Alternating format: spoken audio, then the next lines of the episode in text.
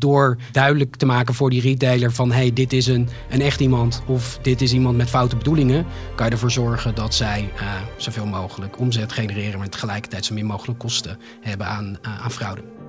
Terwijl de online retail de afgelopen jaren onstuimig groeide, is er nog een sector die floreert bij de toename van e-commerce: die van de cybercriminaliteit. Criminelen die zich malicieus voordoen als klant berokkenen zowel e-commerce ondernemers als financiële dienstverleners veel schade. Maar er is iets tegen te doen. Hoe identiteitsverificatie werkt en helpt in de strijd tegen cybercrime, daarover praat ik vandaag met Jan Frans Schulting. Hij is senior account manager bij Ekata. En met Jan Willem van der Schoot. Hij is country manager bij Mastercard. Welkom bij de Finance Innovation Podcast voor Business Insider het grootste zakelijk nieuwsplatform van Nederland. Ik ben Sascha de Boer.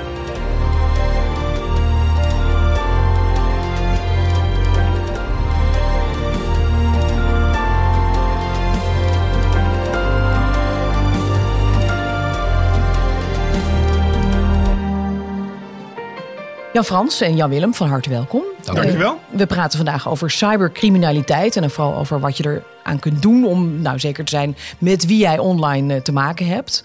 Het vaststellen dus van iemands identiteit. Uh, we gaan het hebben over hoe groot die dreiging is. maar hebben jullie zelf wel eens een keertje daarmee te maken gehad? Bijvoorbeeld met nou ja, de WhatsAppjes van een vriend die zich voordeed als vriend, maar het niet bleek te zijn. Is dat wel eens gebeurd? ik heb daar zelf gelukkig nog geen, geen last van gehad. Nee? Het, pogingen om uh, mij, uh, mijn gegevens, bankgegevens of creditcardgegevens uh, te bemachtigen en daar iets verkeerds mee te doen. Nou, lucky you. En nou, jij, Jan Willem? ik ook niet, maar ik zat wel tegenover mijn vader van de zomer. Toen hij een WhatsApp kreeg van zijn zoon dat zijn zoon zijn telefoon kwijt was. En jij en was een nieuw de nummer zoon. had. En ik was de zoon. En de andere zoon zat naast mij.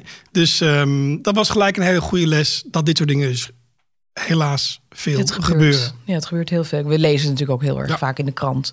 Uh, Jan Frans van uh, Ekata, wat, wat, vertel eens even, wat doet Ekata precies? Uh, Ekata is een bedrijf dat zich bezighoudt wat wij noemen Global Identity Verification. En daarbij focussen wij ons op uh, vijf data-elementen. Dat is naam, adres, e-mail, telefoon en uh, IP-adres. Die gegevens die worden door onze, door onze klanten verzameld, naar ons gestuurd. En onze oplossing beoordeelt die gegevens en stuurt dat terug uh, naar zijn klanten.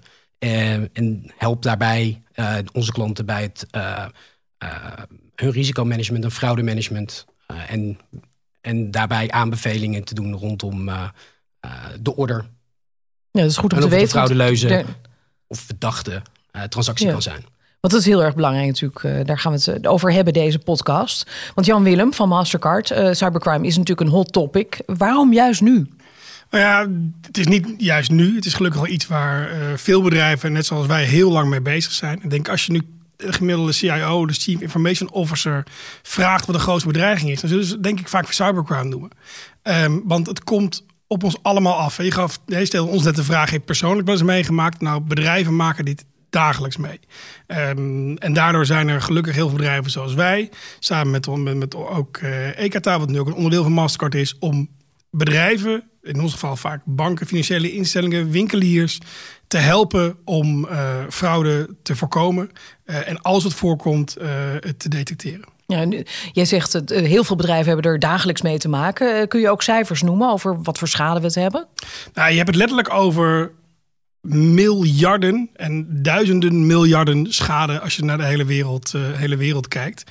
Um, ik weet onze cijfers, de fraude die wij tegen, uh, tegen kunnen gaan. En dan heb je het over tientallen miljarden per, uh, per jaar.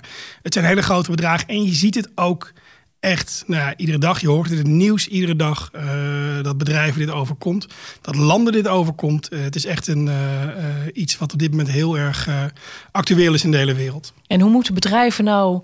ehm, ja, waar, waar hebben die nou precies mee te maken als het gaat om die, om die cybercrime? Ja, hele, hele verschillende dingen eigenlijk. Dus dat kan, een, uh, nou, dat kan een aanval zijn op een bedrijf. Dat is één. Maar in de wereld waar wij in zitten, vaak het online bestellen, uh, kan het op een aantal elementen zijn. Dus me mensen kunnen zich anders voordoen dat ze zijn. Mensen kunnen gaan betalen met gestolen uh, betaalinformatie of met gestolen login-informatie.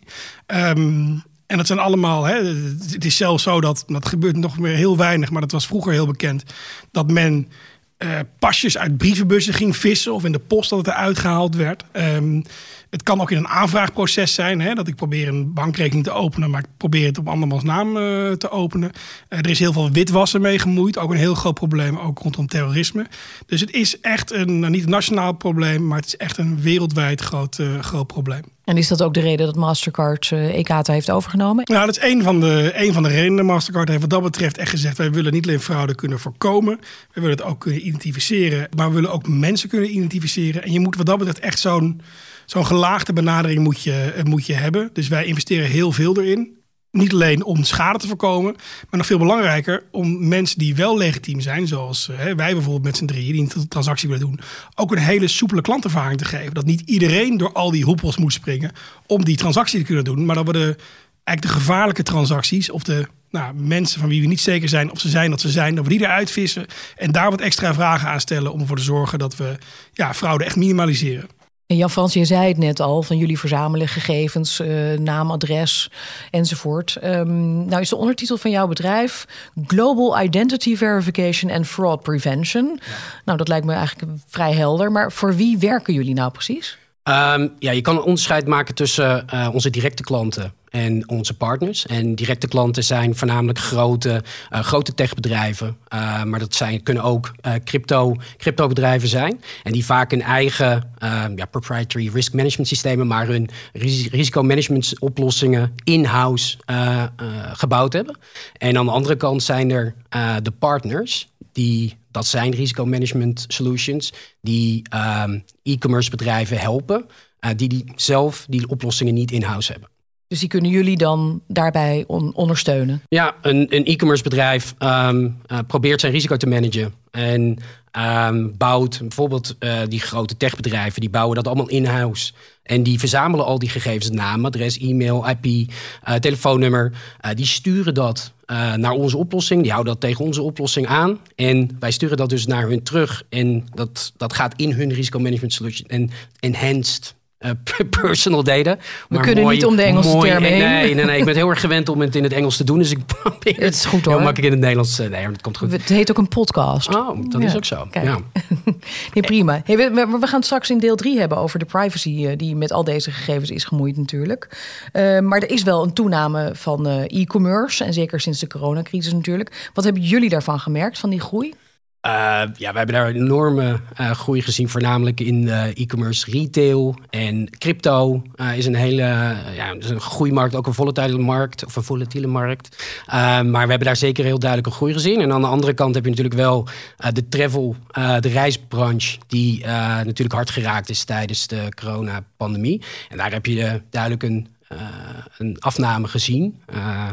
Maar hoewel je hem nu langzaam wel weer omhoog ziet kruipen, nu de wereld weer een beetje open gaat. Maar dat is wat wij tijdens de uh, coronapandemie hebben gezien. Ja.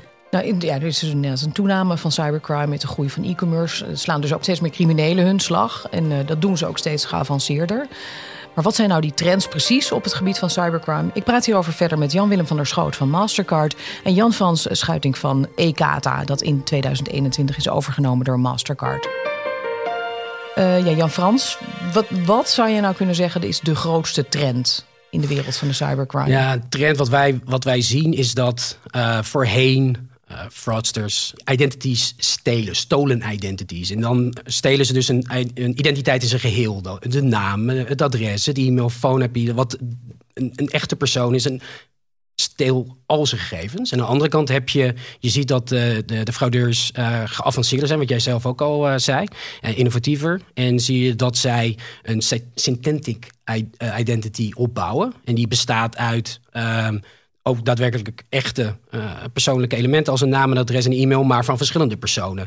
En tegelijkertijd ook wat verzonnen data-elementen. En bouwen zo een nieuwe synthetische identiteit. Een soort avatar of zo. Ja, ja. Wellicht. nou ja, jullie zitten er in ieder geval bovenop. Ja. Um, maar de cybercriminelen zitten er ook bovenop. Want ja, het bestrijden van dit soort uh, type identiteitsfraude... dat lijkt wel een soort permanente wedloop tussen jullie... Ja. en ook die steeds sluwer wordende cybercriminelen. Uh, wie loopt ervoor? Ja, goede vraag. Ik denk dat je altijd een klein beetje achter de feiten aanloopt. Maar dat, door dat heel um, close te monitoren en daar heel duidelijk bovenop te zitten. En al die trends, uh, nou, dat is natuurlijk ook ons, uh, wat wij doen. Daar bovenop te zitten en te zien wat, wat die trends zijn. En daar onze producten ook op aan te passen.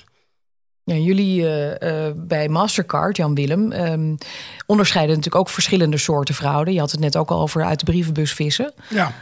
Wat nog meer? Um, nou ja, we hebben de identiteit. We hebben, wat ik eerder zei, de valse kaartnummers. We zien aanvallen op systemen van banken. zien we ook, uh, zien we ook heel erg gebeuren. Um, dus eigenlijk op allerlei vlakken zie je, zie je dingen gebeuren. Um, en de trend is inderdaad ook dat het steeds verder gaat. Hè? Waar vroeger je misschien een pas probeert, probeert na te maken en een geldautomaat daar eh, geld uit te, te halen. Of een pasje stelen en een pincode afkijken. Worden dat soort dingen steeds moeilijker. En ook de, ja, de criminelen, zeg ik altijd, die moeten ook een boterham verdienen blijkbaar. En die gaan niet in één keer bij een bakker werken of die beginnen geen groentezaak. Die gaan ook steeds verder. Dus het is inderdaad een soort van uh, wedloop. En die wordt steeds complexer. Maar vooral omdat ja, alle partijen in de keten, de banken, wij, veel tijd, energie en geld investeren om die systemen zo, ja, zo veilig mogelijk te maken. Maar hoe doe je dat? Wat, wat moet je allemaal doen om uh, fraude te bestrijden? Enorm veel. Je moet echt enorm veel doen. Dus wat wij bijvoorbeeld doen, om een aantal voorbeelden te geven. We geven bijvoorbeeld bij iedere transactie, transactie een risicoscore mee. Bijvoorbeeld. Hè? En op basis daarvan kan de bank kijken: is dit een transactie die ik wel of niet door wil laten gaan? Wat we ook doen, is we, we hebben oplossingen waarbij banken in mobiel bankieren apps uh, iets kunnen gebruiken. Wat dat heet dan behavioral biometrics. Een heel leuk Engels woord om er nog maar eentje bij te stoppen. En wat het feitelijk doet, is dat onthoudt hoe jij je telefoon gebruikt en hoe jij je wachtwoord invult. Hoe dan? Dat vind ik ja, fascinerend. Het is heel fascinerend. Bio, daar, dat, dat klinkt als weer, weet ik veel, je, je iris-scan nou, of iets dergelijks. Dit, nee, maar het is je gedrag. Je iris-scan is van jezelf. Je vingerafdruk is van jezelf. Maar je gedrag is ook van jezelf. Dus hoe jij typt, zo typt niemand anders. Dat is allemaal uh, te analyseren en bij te houden. En als het blijkt, als het bij een bank blijkt bijvoorbeeld, dat iemand een wachtwoord invult op een andere manier, met een kortere of langere tussenpost dus, tussen de toetsen. Dat, en dat weten ze allemaal? Nou, dat kunnen ze weten. Hmm. Uh, absoluut allemaal anoniem. Hè. Dus ze weten, ik bedoel, we weten niet, dit is Sascha, maar dit is een klant een klantnummer. Maar op die manier probeer je ook de systemen te beveiligen. Dus het is echt, het is heel breed. Uh, en je doet het ja, om criminelen tegen te houden. En ervoor te zorgen dat klanten die ja, wel te goede trouw zijn, ook makkelijk wel kunnen, uh, kunnen betalen, afrekenen of winkelen. Ja, de betaalmaatschappijen worden natuurlijk steeds uh, noodgedwongen, steeds inventiever. Maar cybercriminelen ook weer steeds meer. Maar goed, met de privacywet lijkt me dat niet altijd makkelijk. Jan Frans van EKATA. Wat gebeurt er eigenlijk met die gegevens, zoals naam, adres en woonplaats en IP-adres die jullie koppelen? Uh, ja, die, die gegevens die, die, die slaan wij op voor een bepaalde tijd en gebruiken die uh, ja, om, om, om die te beoordelen.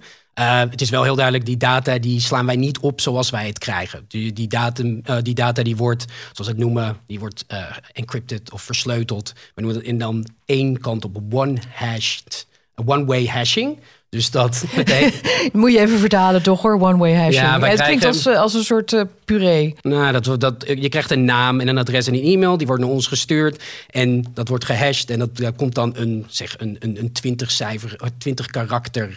Uh, string uh, komt daar, zo, zo wordt het opgeslagen. Dus het is niet dat als een als cybercrimineel ga ik jullie hacken en dan heb ik opeens al jullie gegevens. dat is het inderdaad. De één kant op en de andere kant, je kan het nooit weer terugvertalen naar die naam of dat adres. Oké. En um, kijken jullie ook naar, naar uh, nou hoe noem je dit nou ook weer? Behavioral biometrics? Nou, wij krijgen die, die uh, persoonlijke data, die wordt onze kant op gestuurd. En die houden wij tegen onze oplossing aan. En die oplossing die is eigenlijk tweeledig. Eén kant uh, valideren wij die data, bestaat het echt?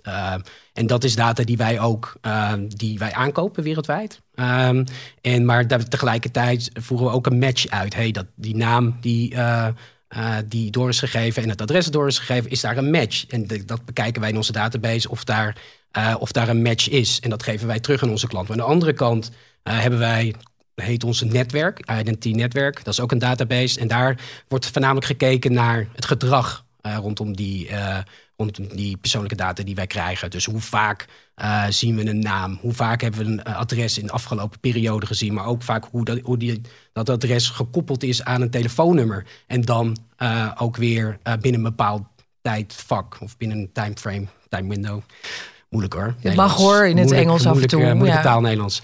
Um, en tegelijkertijd ook in combinatie weer met, met klanten. En zo kijken we naar uh, bepaald gedrag rondom het gebruik van die uh, persoonlijke data-elementen die wij krijgen van onze klanten. Het klinkt wel allemaal als een enorm tijdsverlurpende activiteit.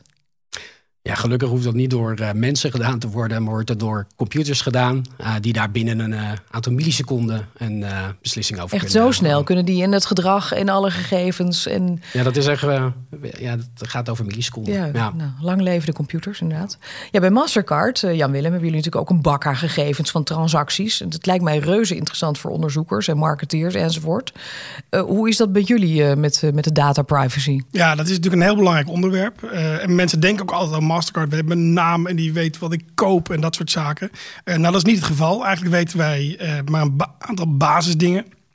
Uh, wij weten nooit wie je bent. Dat, de banken geven jouw kaart, de kaart aan jou en vertellen ons niet wie daarachter zit. Is dat ook gehashed?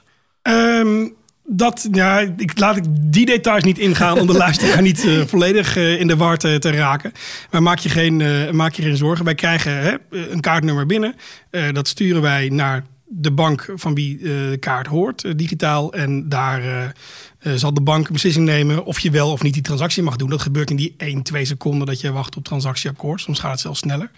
Um, en die data slaan we uiteraard wel op, want die kunnen we ook weer heel goed gebruiken om andere transacties te analyseren. Um, dat wordt allemaal versleuteld. Dat wordt allemaal volgens de Europese en wereldwijde dataregels en reglementen ook, ook gedaan. Daar hebben we hele strakke protocollen ook voor. Om er juist voor te zorgen dat uh, dat soort data goed gebruikt wordt en niet dat het verkeerd gebruikt wordt. Nou heb ik wel eens een keertje, ben ik gebeld door een, uh, door een niet nader te noemen creditcardmaatschappij na, genaamd Visa. Uh, die zeiden van ja, er klopt iets niet hier. Want we hebben uitgaven die op de ene dag in Zuid-Afrika gedaan. En drie dagen later in, in Indonesië. Ja. En nog een dag later weer in Kuala Lumpur. En ja. zei van ja, dat klopt gewoon niet. Nee, klopt. En toen zei ik, nou klopt wel, want ik was als fotograaf aan het reizen. Ja. En toen het allerlaatste zei hij nog van ja, maar wacht even. Maar dan de volgende dag in Kuala Lumpur had je dus een overstap. En de volgende dag is er nog twee keer maximale bedrag afgeschreven. En ik hé, hey, dat klopt ja. niet. Dus ik vond het wel goed natuurlijk dat we er bovenop zaten. Want, nee, kijk, dat um, reisgedrag wat jij hebt is natuurlijk redelijk uitzonderlijk. uitzonderlijk. En de meeste mensen gaan, nou, die, die gaan ergens heen en blijven daar lang of die blijven daar twee dagen. Uh, en dat zijn precies allemaal checks die die wij ook, uh, ook constant, uh, constant doen. Om, hè, om te kijken, joh, klopt dit? Is dit juist? of is hier wat raars aan de hand? Hè? We hebben in het verleden situaties gehad van mensen die in Nederland pinden en een half uur later op Curaçao pinden. Ja, dat, is, dat kan niet, hè? Dat kan niet, precies. Nee. Nou ja, en dat soort dingen wil je natuurlijk tegengaan. En dat kan je ook met de hele naaste technologie goed tegengaan. Omdat je patronen ziet. en we zien overigens ook, want als van mensen die dat echt heel vaak doen. Hey, misschien wel dagelijks of wekelijks reizen, zoals jij dat net, net deed. Van nou, weet je, die kunnen we iets soepeler behandelen, want die hebben, dat, uh, die hebben zo'n patroon. Ja, maar nou even, ook wel eens even, ook weer even vanuit mijn eigen ervaring als, uh, als eenvoudige consument. Uh, als ik mijn gegevens invul, hè, ik, ik koop iets online en uh, dan, geef ik, dan geef ik de, de creditcardgegevens en de vervaldatum, de CVC-code. En dan denk ik soms ook wel eens, ja, en dan heeft dus nu, nu die online winkel heeft mijn gegevens. Klopt. Daar kunnen ze dus mee uh, aan de gang gaan. Ja, nee, klopt. Die gegevens hebben ze en die gebruiken ze ook eigenlijk om direct door te sturen via hun bank naar, uh, naar ons toe, om die transactie ook af te ronden. Nou, er zijn allerlei regels en protocollen wereldwijd wat zij met die gegevens mogen. En met name wat ze er niet mee mogen. Dus ze mogen ze in principe niet opslaan, ze mogen ze niet hergebruiken. En in de uitzonderlijke situatie dat ze ze willen opslaan, en dat gebeurt bijvoorbeeld als jij Uber gebruikt, dan, dan zet je vaak je kaartnummer in de Uber-app. Nou, voor die situaties is het zo dat um, Uber die gegevens naar ons stuurt en wij sturen Uber eigenlijk een, ja, dat noemen we een token terug. Dus eigenlijk een, een reeks willekeurige getallen waar alleen wij de originele kaart mee kunnen herleiden. Dus mocht nou in het meest onwaarschijnlijke geval iemand dat token uh, kunnen, uh, kunnen stelen of uit een app kunnen halen, dan kunnen wij daar vervolgens heel snel op ingrijpen. En uh, op die manier houden we eigenlijk de hele keten hartstikke veilig. Ja, en dat doen jullie dus samen ook met uh, Ekata, wat jullie net hebben overgenomen. Um, is dat de enige oplossing voor Mastercard of werken jullie met anderen ook nog? Nee, we hebben heel veel, uh, heel veel oplossingen zelf, zelf gemaakt en ook wel een aantal bedrijven overgenomen de afgelopen jaren. Nou, dat ligt inderdaad in wat ik uh, behavior biometrics, waar ik het net over had. in het scoren van transacties. Hoe frauduleus zijn ze, ja of nee. Um, maar ook hebben we oplossingen waarbij we eigenlijk het transactie flow van klanten in de gaten houden. En op het moment dat we daar gekke dingen in zitten, ook direct kunnen ingrijpen. Het zou bijvoorbeeld kunnen zijn dat een bank van binnenuit gehackt is. Hè? Dat soort dingen uh, gebeuren. Doe je door een medewerker? nou, bijvoorbeeld door een medewerker of door een virus of iets dergelijks. Um, en als wij op dat moment een, ja, een gek aantal transacties zien. Uh, die wij niet kunnen plaatsen, kunnen wij ook eigenlijk namens de bank ingrijpen. En ook voor zorgen dat uiteindelijk uh, de schade niet heel veel erger wordt. Ja, voor wie doen jullie dit eigenlijk allemaal? Als je nog meer klantgroepen eigenlijk bij elkaar ziet? Ja, kijk, dat is een hele goede vraag. Uh, wat mensen zeggen, doe je dit voor de banken? Ja, tuurlijk doen we het voor de banken. Maar uiteindelijk doen we dit om voor er voor de consumenten voor te zorgen dat als zij betalen, dat het snel gaat, dat het gemakkelijk is, uh, maar vooral dat het veilig is. Uh, en wat we allemaal willen is, als we iets zien, op een knop drukken en, en het is gekocht, het is betaald. maar dan willen we wel zeker weten dat het, dat het veilig is. Nou, en met dit soort oplossingen kan je dat dus doen en kan je ook de, nou, de consument die gewoon te vertrouwen is, uh, die kan je snel laten betalen en afrekenen. En de consument waar je twijfels voor hebt, of bedrijf waar je twijfels over hebt, die kan je een apart uh, poortje insturen. En dan kan je extra vragen mee stellen, kan je extra onderzoek doen, et cetera, et cetera. Ja, Jan Frans van uh, jullie klanten variëren, van, ook van winkeliers en banken en verzekeraars. Um, ja, er, dat, ik neem aan dat je dat allemaal herkent, wat Jan Willem zegt. Dat eigenlijk voor jullie natuurlijk precies hetzelfde is. Ja, zeker. Maar bijvoorbeeld een, uh, ik zal bijvoorbeeld nemen een, eh, een retailer, een grote een sportretailer die online verkoopt. Die, die proberen wij te helpen bij um, inderdaad het bestrijden van fraude. Maar tegelijkertijd, je kan alles blokken. Wat bedoel je met alles blokken? Nou, je kan alles tegenhouden en dan weet je zeker dat je geen fraude hebt. Maar dan heb ja, je ook heb geen, geen klanten. heb nee. je ook geen klanten, heb je ook geen omzet. Dus het, het is heel belangrijk dat wij um, die optimale balans proberen te vinden tussen uh, zoveel mogelijk uh, klanten doorlaten. Uh, wat je hoopt echte klanten zijn, die geen foute bedoelingen hebben. En aan de andere kant um, zo min mogelijk chargebacks te krijgen. En de chargebacks, dat is wat te maken heeft, uh, wat Mastercard gerelateerd is. Dat wanneer een kaarthouder, uh, een Mastercard kaarthouder, een uh, betaling doet met zijn Mastercard, maar of met een Mastercard, maar het is niet zijn kaart bijvoorbeeld, mm. een gestolen creditcard, dan kan um, de, de, de, de, echte kaarthouder dat geld proberen terug te eisen. En dan bijvoorbeeld bij een retailer, dan heb je één je spullen verscheept. Dus dat ben je kwijt. En je krijgt geen geld en je krijgt daar bovenop ook nog een, een extra boete. Um, dus uh, door uh, duidelijk te maken voor die retailer van hey, dit is een, een echt iemand of dit is iemand met foute bedoelingen, kan je ervoor zorgen dat zij uh, zoveel mogelijk omzet genereren, maar tegelijkertijd zo min mogelijk kosten hebben aan, aan fraude. Heb je enig idee hoeveel, om hoeveel ja, schade het gaat wat daarmee wordt voorkomen? Wat voor bedragen? Ja, dat hangt heel erg af van welke retailer dat is. En, um, ja, maar in het algeheel, zeg maar in het even gewoon, nou ja, laten we voor Nederland spreken. Uh, ik, ik, ik zou geen idee hebben over de, de daadwerkelijke... Maar miljoenen, miljarden? Ah, dat gaat sowieso miljoenen, denk ik. Ja, maar echt waarschijnlijk kan... Ja, nee, het zijn, het zijn, hè, wat dat betreft zijn het echt... Uh, uh, als je weet dat in Nederland, wat is het, 400, 500... Uh, miljoen e-commerce transacties zijn, er zitten daar altijd transacties tussen die, um, ja, die gewoon fraudeleus zijn. Uh, dit, dit, dit, in, in, geld gaat dit om, uiteraard om miljoenen. Um, en wat je wil zeggen, wat je wil, niet alleen wil hebben, is dat de winkelier of dat de consument de soepele winkelervaring heeft. Maar ook die winkelier, want iedere stap die je extra doet in een betaalproces bijvoorbeeld, is een stap dat, dat consumenten kunnen uitstappen. Dus er is echt die balans vinden tussen aan de ene kant uh, zo frictieloos uh, en aan de andere kant zo min mogelijk, uh, zo min mogelijk fraude eigenlijk. en daar, dat optimale punt zoeken we door dit soort, door dit soort samenwerkingen. Ja, wat is nou dan precies tussen jullie, hè? De, de kracht tussen de samenwerking van Ekata en Mastercard? Ja, ik, ik denk dat dat zit in de synergie tussen uh, de producten, technologie uh, en, en data. Uh, door bijvoorbeeld de persoonlijke data-elementen die wij, waar wij iets over zeggen, te combineren met, met ehm, het creditcardnummer van, van iemand, zorgt ervoor om, een nog, om nog beter te beoordelen of dat een een, een, een echt iemand is, een, een, een, identiteit die goede bedoelingen heeft, of iemand met uh, kwade bedoelingen. Mhm, ja. Nou, in welke fase van de ontwikkeling zitten jullie nu? Staat het in de kinderschoenen of is het al er voorbij? Nee, zeker niet in de kinderschoenen, maar er is nog zeker uh, genoeg te verbeteren. En nog een, ja, ik, ik, vermoed in de komende tijd zeker, en ook in combinatie en samenwerking met, uh, met Mastercard, nog grotere stappen te maken. Ja, en, en kun je dan die, die stip op de horizon schetsen, hoe die eruit ziet? Waar jullie heen willen? Nou, wij zouden graag de, eh, de autoriteit op het gebied van Global Identity Verification zijn, uh, wereldwijd. Kijk, nou, dat lijkt me een goed, uh, goed punt.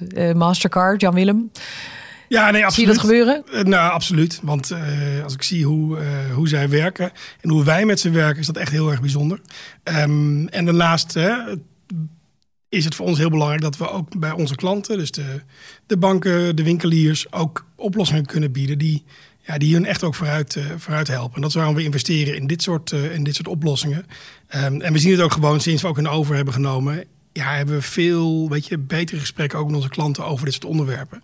Uh, en dat is gewoon heel erg belangrijk, want fraude gaat echt niet weg. Ik bedoel, dat, dat zal nog heel erg lang duren. iedereen wordt inventiever, wij worden steeds, steeds slimmer.